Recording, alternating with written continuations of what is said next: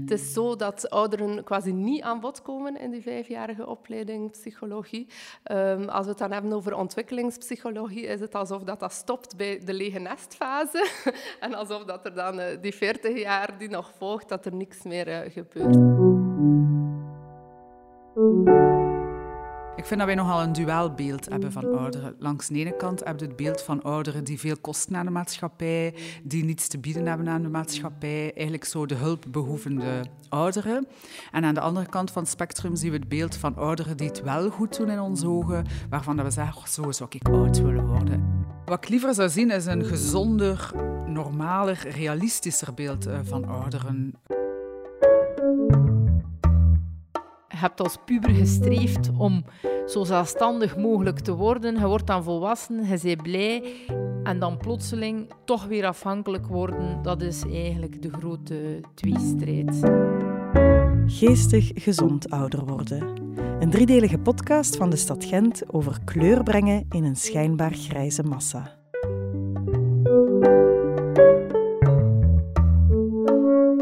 Aflevering 1. Hulp is er, maak er gebruik van.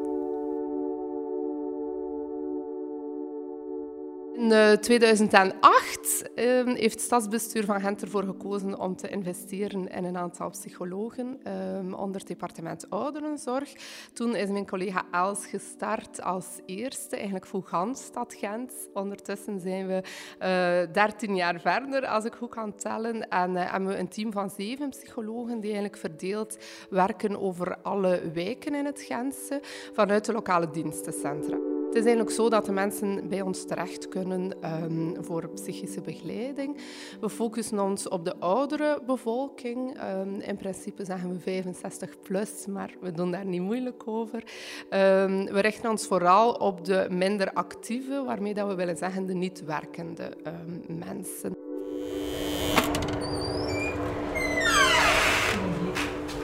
Goedemiddag. Kom Hallo. Voilà, zie. Zet u maar op uw gemakkelijkste plaats. Hè. Voilà. Het leuke aan ons werk is ook dat we eigenlijk echt op maat van de cliënt gaan werken. Ik heb mensen dat ik ene keer zie, ehm, die zeggen van ik wil gewoon een keer mijn hart luchten en het is eruit en ik kan weer verder. Andere mensen volgen een bepaalde periode en, en zie ik bijvoorbeeld maandelijks een keer. Um, maar eigenlijk is het de bedoeling dat we een beetje als rode draadfunctie fungeren. Mensen kennen ons, na een paar sessies kunnen ze weer op weg. En als het wat minder goed gaat, uh, geven ze terug een een seintje en um, komen ze nog eens langs. Ik, ik ga je zeggen, in de, de eerste keer dat, ik, dat Katrien hier kwam, ik, ik dacht in mijn ei, zou ik het niet zeggen, ze. dat ze moest je niets weten. Echt, maar het is, al, het is like, dat, dat al, ze heeft zich dat verzekerd losgepeuterd. En ze heeft nog dan geen Nee, nee, ze hebben mij niet... Allee, Manipuleren, Nee, ze hebben mij niet gemanipuleerd, ik niet. Maar toch, ben we hem vertellen, ik heb voor verteld. Ze zijn er niet mee opgegroeid. Ehm, heel veel mensen, en dan werken we enorm in onze werking, dragen soms een probleem mee of een trauma mee al van kinds af aan en uh, leven er 60, 70, 80 jaar mee in zichzelf en hebben het soms nog nooit met iemand anders gedeeld. En we merken dan dat soms, uh, niet bij iedereen natuurlijk, maar toch die nood er wel is om dan heel op het einde van hun leven toch uh, een soort in het reinen te komen met zichzelf zat uh, een beetje in de put. En mijn huisdokter heeft gezegd... Ah nee, en mijn dochter heeft eerst gezegd... Mama, hij zou toch een keer beter naar een psycholoog gaan. Ik heb dat dan gezegd aan mijn huisdokter. Zegt ze, mag dan een keer aanvragen? En ze heeft dat aangevraagd. En dan ben ik bij Katrien terechtgekomen. Een heel vriendelijke dame. Het is soms mensen, kinderen van of familieleden van hebben het soms moeilijk om uh, begripvol te luisteren, omdat dat te dichtbij komt. En dan zeggen ze, stop met wenen, moet u niet kwaad maken, je moet niet verdrietig zijn. Maar ja, dat is eigenlijk niet luisteren, dat is vooral proberen te stoppen. Ja, hè? Maar dat is wel logisch, omdat soms wat te dichtbij komt, omdat ze er ook verdriet van hebben of kwaad van worden. Maar als je dan dingen begint uit te klappen of te vertalen, dan komt dat begrip er toch. Toen doet mijn kleindochter, ja, maar zes, dat even... En dat ik zei, het komt iets op. Ja, maar dat heeft een reden, zei ze. Wat, wat doen we met mes? We, do- we doen daar niets mee, zei ze. We zijn, we zijn altijd met u bezig en denk, wat, wat doet hij nu? Maar Nee, nee, dat komt op. niet. Dat komt op en eh, dat, ik zou dat liever niet hebben, zeg.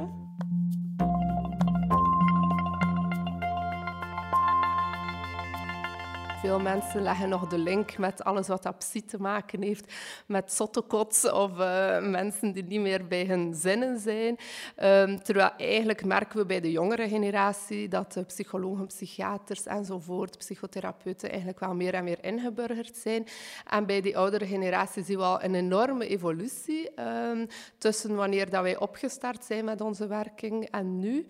Eh, dat we toch meer en meer ingeburgerd ook zijn. En dat mensen ook onderling bijvoorbeeld meer mond-aan-mond reclame maken. En zeggen, ik ben een keer bij Sien geweest, dat is goed meegevallen. Je moet daar ook een keer langs gaan. Dus op die manier, ook door die aanwezigheid en door het zo wat te normaliseren, merken we wel dat eh, de stap zetten voor veel mensen toch iets makkelijker is. En wel, ik moet zeggen, ik kan eerlijk zijn. Heel de dag ben ik daar net mee bezig. En kan niet een beetje ongemakkelijk. En zonder dat ben ik opgelucht. Maar in dat zelf denk, denk ik zo, oh nee. Ik zei, moest ik, nee, ik kan eerlijk zijn, moest ik dat niet allemaal vertalen? En voor wat is dat nu nodig? En Sandas denk ik, ja, we zijn met toch veel bijgeleerd, hè. Allee, bijgeleerd, ja. Moet eerlijk zijn, ja. Dat doe ik van veel mensen hoor. Het Ja. is lastig om erover te Dat babbelen. lastig, dat lastig, ja. Ja, tuurlijk. En raakt het dan weer allemaal op, hè, want dat, dat zijn vertellingen dat, dan, dat dat niemand doet. Hè. Want, als, want, als, ik zo een keer bij een vriendin zit en ze beginnen zo te vertellen van mijn man dit dat en mijn man dit dat. En dan dat ik denk zo, moet jij dat nu allemaal vertalen zo? Wat moet ik dat weten?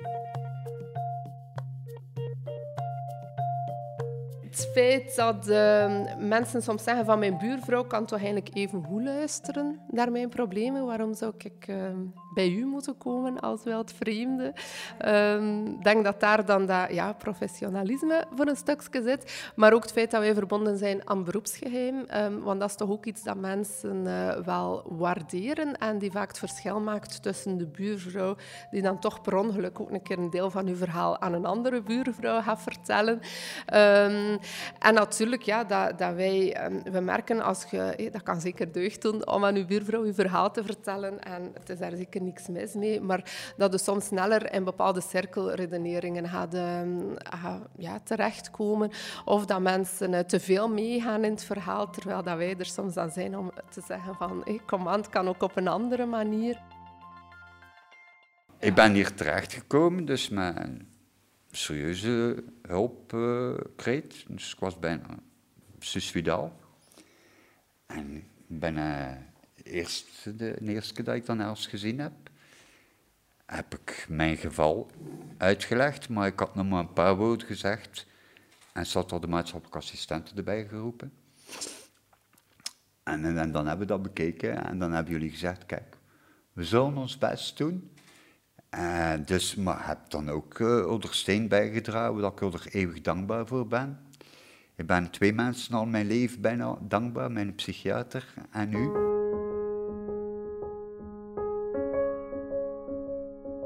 Christian is uh, een, een, beginnende oudere. Hè. Ik denk dat, ik weet het niet zeker, ik denk rond het 60 is hij. Ik hoop dat hij nu niet kwaad gaat zijn op mij voor de niet juiste inschatting. Um, maar, maar sowieso fysiek de laatste tijd ook veel lasten, dus hij rekent zichzelf ook. Hij komt ook naar de lokale dienstcentra. Hij is een van die jonge ouderen die de stap heeft gezet naar de lokale dienstencentra en daar eigenlijk zijn, zijn weg uh, goed in vindt maar uh, heel hard op zoek is naar um, invulling van zijn identiteit toch wel. Van wie ben ik, wie wil ik nog zijn? Vroeger een heel uitbundig leven geleid en nu een beetje op zoek naar uh, hoe kan ik mij daar nog in vinden in het leven dat ik nu leid. Ja. We hebben hier in Gent elf lokaal dienstcentra's. Ik weet niet dat er in elk lokaal dienstcentra iemand zit als jij, ja, psycholoog. absoluut. Er zit overal iemand. En dat is gratis.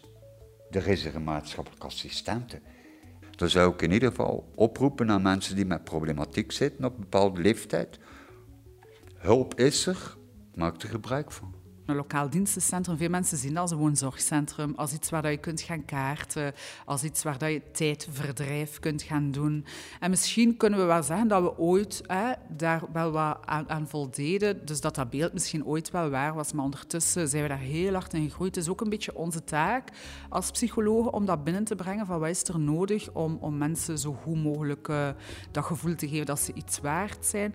En de lokale dienstcentra zijn daar ongelooflijk in gegroeid. De thema's gaan ook van, van um, ja, uiteraard ook de smartphone en zo, dat zit er ook in. Maar gelijk nu met dit project willen we ook de podcastwereld binnenbrengen bij hen, dat ze dat, dat, ze dat leren kennen.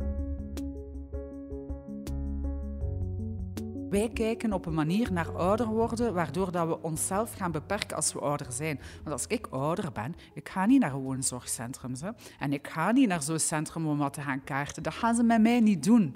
Dus in die zin, zet het voor jezelf al vast dat dat niet kan, terwijl dat je eigenlijk nooit binnen geweest bent, nooit de kans hebt genomen om het te doen.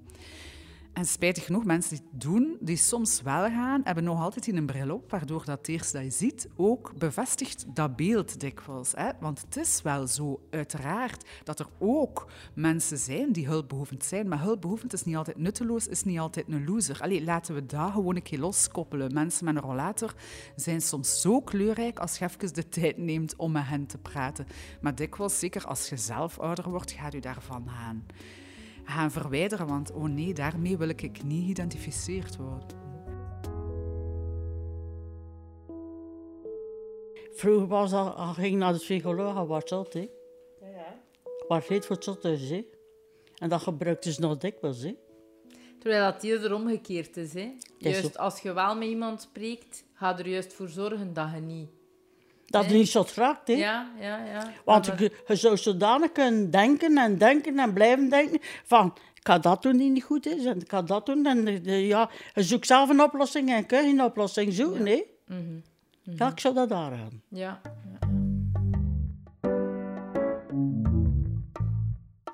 Dat is ook het mooie eraan, dat onze job zeker niet um, gekaderd is binnen een uurtje gesprek en dan uh, zien we wel. Um, het kan eigenlijk wel een stukje verder gaan. Dat geeft uh, een ongelooflijk goed gevoel daarvoor doen we het.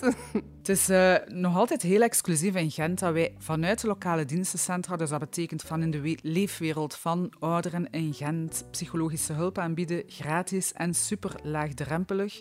En eigenlijk vind ik dat heel jammer dat dat nog steeds exclusief in Gent is. In mijn droom zou dat heel Vlaanderen, heel België, heel de wereld zo mogen zijn, want ik geloof daar wel heel hard in.